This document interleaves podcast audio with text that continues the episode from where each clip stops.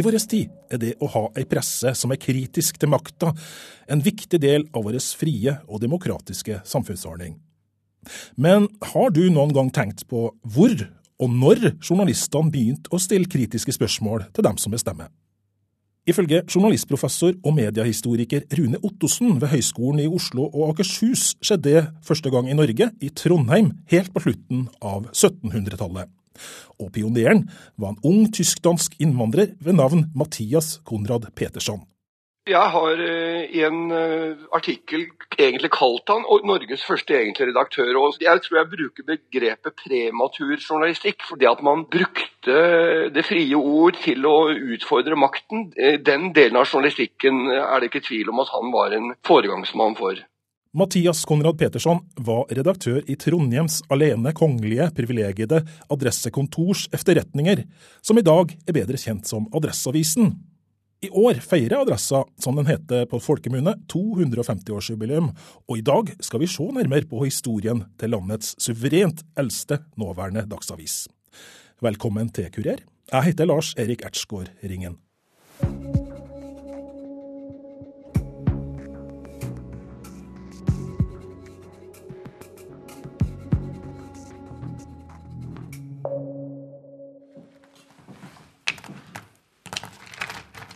Vi står i et gammeldags trykkeri, og rundt oss i settekassa ligger tusenvis av små og store blybokstaver som venter på å bli ord, setninger, overskrifter og artikler. Det lukter blekk, olje, støv og papir. Og i et hjørne står den tunge trykkeripressa, som ikke har utvikla seg så særlig siden Johan Gutenberg fant opp den moderne trykkekunsten på 1400-tallet. Vi er på Trøndelag Folkemuseum på Sverresborg, og konservator Terje Brattberg forteller at adressa ble trykt på denne måten i nesten 140 år. Her har du settekassene fulle av blysats og klar til bruk. Og blysatsen er jo da én og én bokstav støpt på ganske lange staver. Og hver staven er jo tung, sånn som bly er. Og det er jo en elegant måte å lage en side på. Du setter jo bakvendt. og her er ei side som blir satt opp i ramma si. Og ramma er jo det som bestemmer hvor stor sida vil bli, og så skjærer du til papiret etter det. Og Derifra så går det bort til trykkerimaskiner, som på denne tida, før Adressa fikk sin første rotasjonspresse på, helt på slutten av 1800-tallet, så var den omtrent akkurat identisk den som Gutenberg fant opp. Ja. Det eneste som har skjedd med den her, er at du har fått ei rulle. Og den rulla den ruller papiret litt fortere over enn om du må skru til skruen hver gang du skal, du skal benytte den, da, vet du. Du måtte jo uansett legge på ett og ett ark med papir. Ingen automatisk mater eller noe sånt. Og dermed så er det jo en tungvint måte å gjøre det på. Men det ble pene trykksaker av det. Adresseavisa ble altså gitt ut første gang i 1767, ni år før USAs uavhengighet og 22 år før den franske revolusjonen. Martinus Nissen var den første redaktøren og initiativtakeren til avisa, som de første årene fungerte som en slags oppslagstavle med offentlige og private kunngjøringer, derav navnet Adresseavisa. Det et uh adressekontor. Det er jo et kontor hvor du leverer inn ting du ønsker bekjentgjort. Og dermed så er jo avis en ganske naturlig måte å få ut de bekjentgjørelsene på. Det kan jo være sånn som i første nummer, hvor Hans Nissen og Det var jo hans bror Martinus Lind Nissen som var den første redaktør. Annonserer med at han har til salgs både florentinsk olje, bomolje, som ikke var fullt så fint, kirsebærbrennevin og forskjellige andre ting. Så det, det er da tre annonsører i første utgave. Og det er det første avisannonsene i Trøndelag. Hva, hva var drivkraften bak å starte avis i 1767 i Trondheim? Nei, Drivkrafta var nok det at han eh, var prega av folkeopplysningstanken, av opplysningstida. Man skulle spre kunnskap. Man har jo drevet med det i Frankrike en god stund, og i England veldig lenge. Nederlandene for så vidt også. Og det andre er jo at du får et talerør ut til hele den dannede befolkning i stiftet.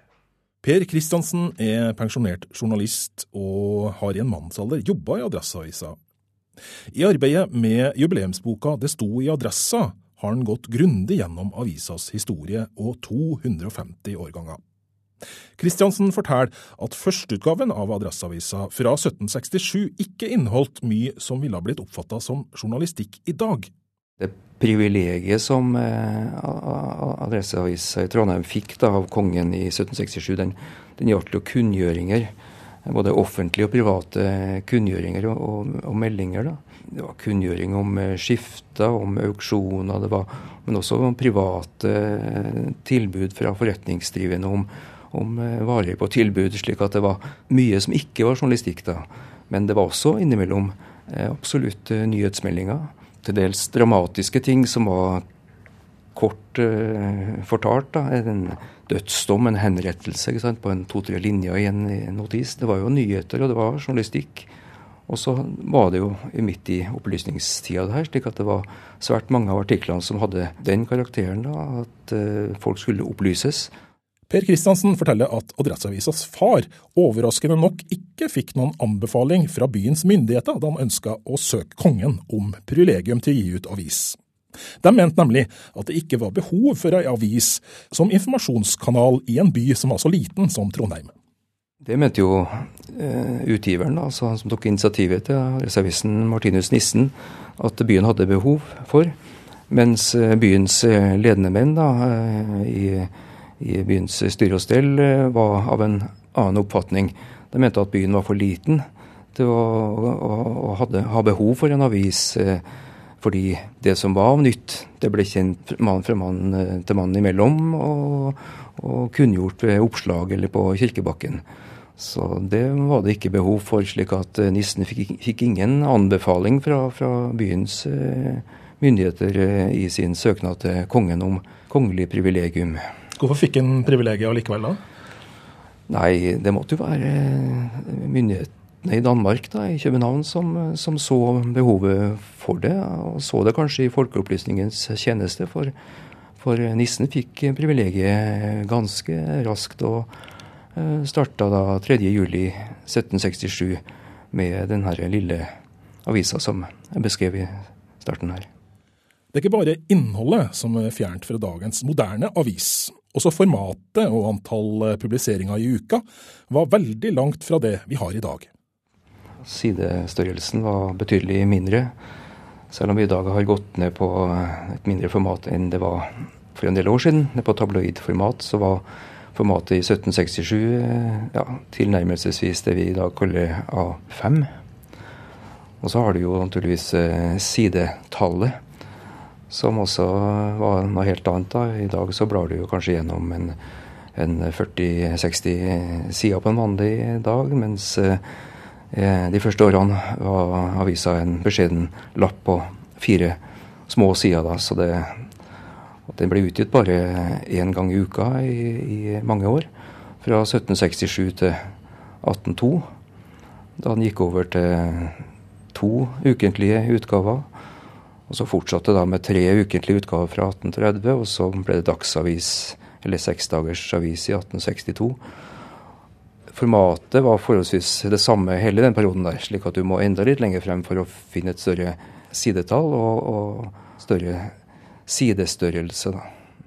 Avisa, som i 1767 hadde kompliserte navnet Kongelig alene privilegiede Trondheim adressekontors efterretninger, fortsatt å være en slags offentlig oppslagstavle de første årene. Men så, i 1782, kom det en båt sørfra til Trondheim havn.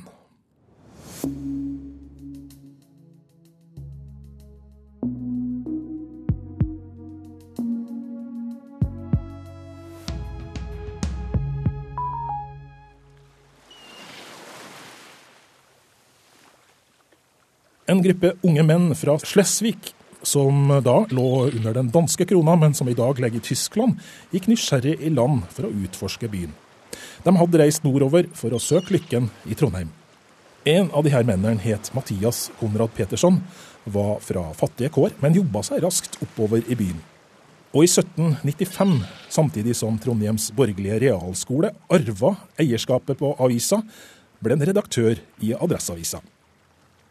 Skomakersønnen Mathias Konrad Petersson har satt mange spor etter seg. Aller mest kjent er han kanskje som den som først var ute med å feire 17. mai i Norge. Og ellers så ble han utnevnt som en av Norges Banks første direktører i 1816. Men i vår historie så har Mathias Konrad en helt annen og viktig rolle.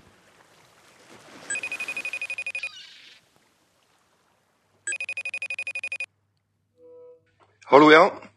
Det er eh, Rune Ottosen, professor i journalistikk på Høgskolen i Oslo og Akershus.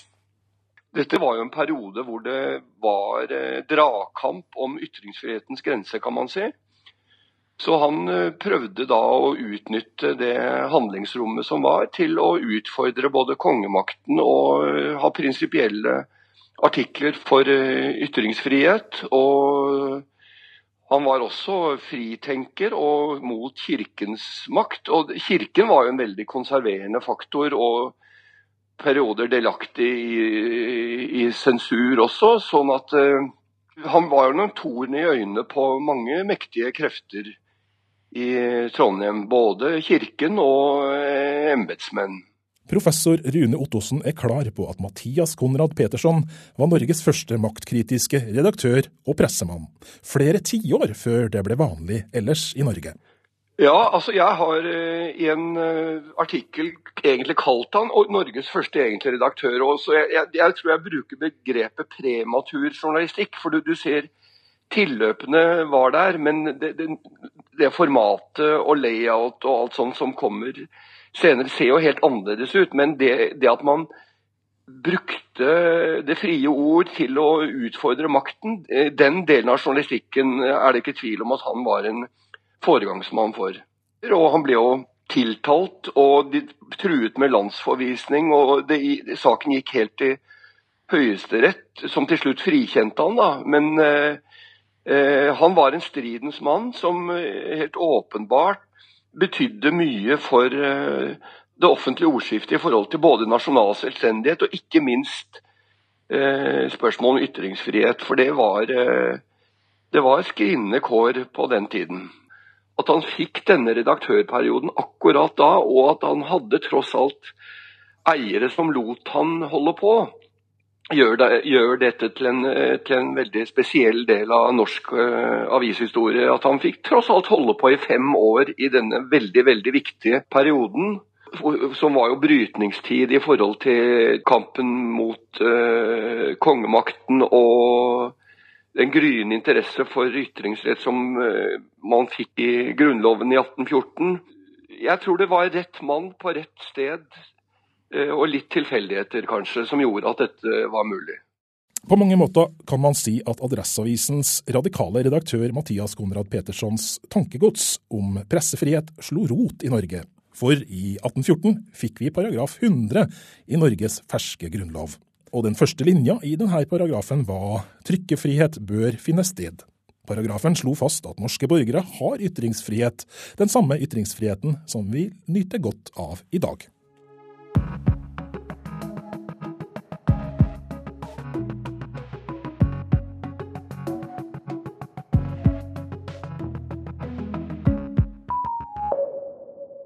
Helt fra oppstarten i 1767 hadde altså Adresseavisen kunngjørings- og reklamemonopol i hele det nordenfjelske området. Dette var et privilegium som avisa fikk beholde i hele 110 år, fram til 1877, da staten ga avisa 10 000 spesidaler for å oppgi privilegiet. Dermed beholdt Adressa privilegiet lengst av alle aviser i Norge. Per Kristiansen, som altså har skrevet Adresseavisas jubileumsbok Det sto i Adressa, mener at mye av grunnen til at Adressa fikk beholde privilegiet så lenge, var at de var eid av Trondheims borgerlige realskole. Privilegiet det hadde jo Adresseavisen helt til 1877, og nøt den beskyttelsen lenger enn noen annen avis i, i Norge. og det hadde en sammenheng med at uh, staten holdt en beskyttende hånd over Adresseavisen fordi den var eid av etter hvert av Trondheims borgerlige realskole, som var en allmennyttig stiftelse. Slik at overskuddet fra avisdriften den kom offentligheten, allmennheten, til nytte gjennom tilbudet som den skolen ga. Konkurrentene dukka raskt opp da avisa mista privilegiet sitt, og på tross av at Adresseavisa møtte konkurransen med modernisering, begynte avisa å slite. Og på 1920-tallet var Adressa helt nede i et opplag på fattige 2500, og i ferd med å dø. Ledelsen vurderte faktisk å legge ned avisa. Men så, i 1927, kom redningsmannen inn. Han het Harald Torp og ble redaktør.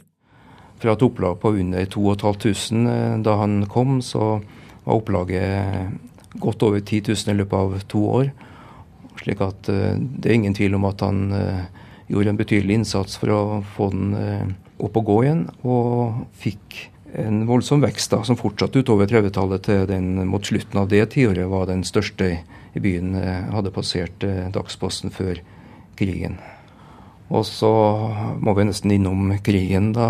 Eh, adressa ble jo tyskkontrollert og, og sensurert, og fikk jo svi for det til krigen med en betydelig erstatningsdom. Men eh, den berga jo da pga. at eh, både Torp og hans nestkommanderende redaksjonssekretær Sverre Herstad ble avsatt av de tyske myndighetene pga. sin opposisjon. Det er litt forklaringen på at adressa kunne starte med nye og blanke ark etter krigen. For den hadde tross alt eh, gjennom sine ledere vist en, eh, en nasjonal holdning. 50-tallet var veldig viktig. Da bygde Torp ut et enormt nett av avdelingskontorer avdelings, eller distriktsrepresentanter som, som leverte stoff fra, fra, kriker og kroker i hele det han kalte Nordre handelsfelt. Så han definerte jo avisas område som eh, alt mellom eh, Sunnmøre og Nord-Helgeland, Rana-området. Det var Adresseavisens nedslagsfelt. Det var ingen Trondheimsavis, det var en regionavis. Og, og, og, og lyktes eh, betydelig grad med, med, det. Opplaget økte utover 50-tallet og 60-tallet. og Det var nok mye pga. den satsinga som Torpet gjorde utover i distriktet da Adresseavisen feira sitt 200-årsjubileum i 1967, var fremdeles Harald Torp redaktør. Sittende bak sitt massive skrivebord i dobbeltspent dress og med vest, slår han takten i bordet mens han svarte på hva hemmeligheten med suksessen var. Ja, den sterke ekspansjonen som Adresseavisen har vært gjenstand for fra 1927 frem til i dag. Eh, og som jeg håper vil fortsette, og som de spør om årsaken til, så vet de som en rutinert pressemann at eh, spørsmålet er til enhver tid å lage den best mulige avis.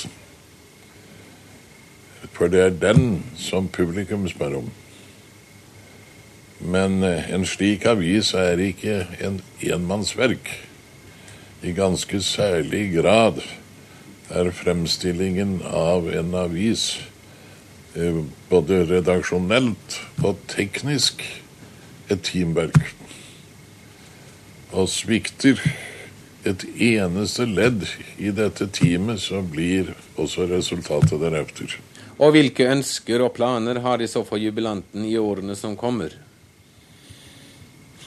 Ja, jeg eh, vil gjerne se avisens 200-årsjubileum ut fra synspunktet fortid og fremtid.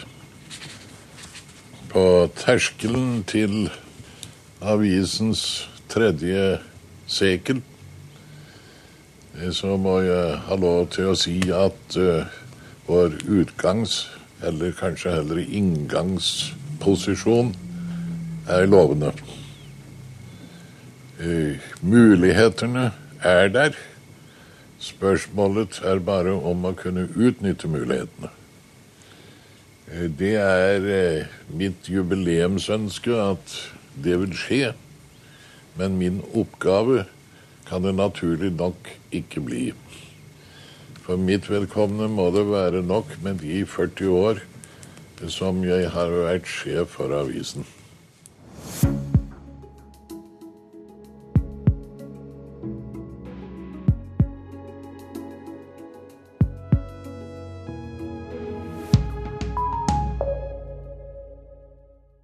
Det har gått 50 år siden Adresseavisas daværende sjefsredaktør ga intervjuet i 1967 ved avisas 200-årsjubileum. Og i løpet av de 50 åra har det skjedd utrolig mye. Særlig på det tekniske planet har det å lage avis blitt noe helt annet nå i 2017 enn det det var for de ansatte i Adressa i 1967, sjøl om avisa faktisk allerede da har tatt i bruk sin første datamaskin. Settemaskinene har for lengst overtatt arbeidet, og i Adresseavisen er fire av dem av den mest moderne automatiske typen som mates med hullbånd. Nå er det perforatørene som utfører skrivearbeidet, ved at de skriver om manuskriptet til hullbånd. Adresseavisen har også som den første avis i landet tatt i bruk en elektronisk regnemaskin i SAS-fremstillingen. Perforatøren behøver ikke lenger å tenke på linjedelingen, men bare skrive fortløpende. Så kjøres hans bånd gjennom regnemaskinen, og vips kommer det ut et nytt bånd, ferdigjustert med de riktige delinger av ord og linjer. Og dette går så rett i settemaskinen. Og de teknologiske revolusjonene har stått i kø siden den gang. Bare noen år seinere førte datateknologien til at både perforatørene som vi hørte om her, og svært mange av avisas typografer måtte se seg rundt etter nye jobber. Her i Adresseavisen brekkes sidene ende om for hånd, men det er ingenting i veien for at ombrekkingen, dvs. Si plasseringen av stoffet på siden, kan gjøres av en datamaskin. Avistypografene er i dag i ferd med å miste jobben sin. Stykke for stykke er deres tradisjonsrike yrke blitt erstattet av maskiner. Da Trondheim feira sitt tusenårsjubileum i 1997, nådde papiropplaget i Adressa toppen med nesten 100 000 daglige eksemplar. Men siden den gang har internetteknologien og de mulighetene som nettavisa gir, ført til at opplagstallene har stupt, og de er nå nesten halvert på 20 år. Vi møter Adresseavisas nåværende sjefsredaktør ved avisstativet i kiosken på den andre sida av gata for redaksjonens nye lokaler ved Bakke bro i Trondheim. Tor Olav Mørseth står og blar i dagens utgave av den 250 år gamle avisa. Finnes løssalgsaviser ennå? Ja, det, og det er ganske mange som eh, kjøper aviser både løssalg og ikke minst abonnerer på, på papiravisen også i dag, altså. Det er riktignok ikke så mange som det var på, på høytiden, men, men, eh, det er fortsatt ganske mange. Nei, altså, jeg tror nok papiravisen skal være med oss lenge ennå. Det er mange som er glad i den, eh, og mange som har et veldig sterkt forhold til den. Og så er er det sånn at det ser vi jo at for yngre lesere så er det ikke først og fremst papiravisen de går til. Og så er det jo sånn at poenget for oss har jo alltid vært det å lage godt innhold og få det ut til folk på den best mulige måten.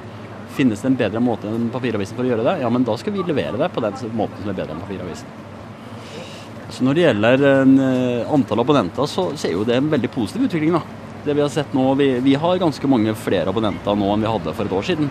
Eh, sånn, sånn, at Den biten ser er ganske positivt på. Vi, vi, ser at vi, vi ser at vi lager innhold som folk vil ha.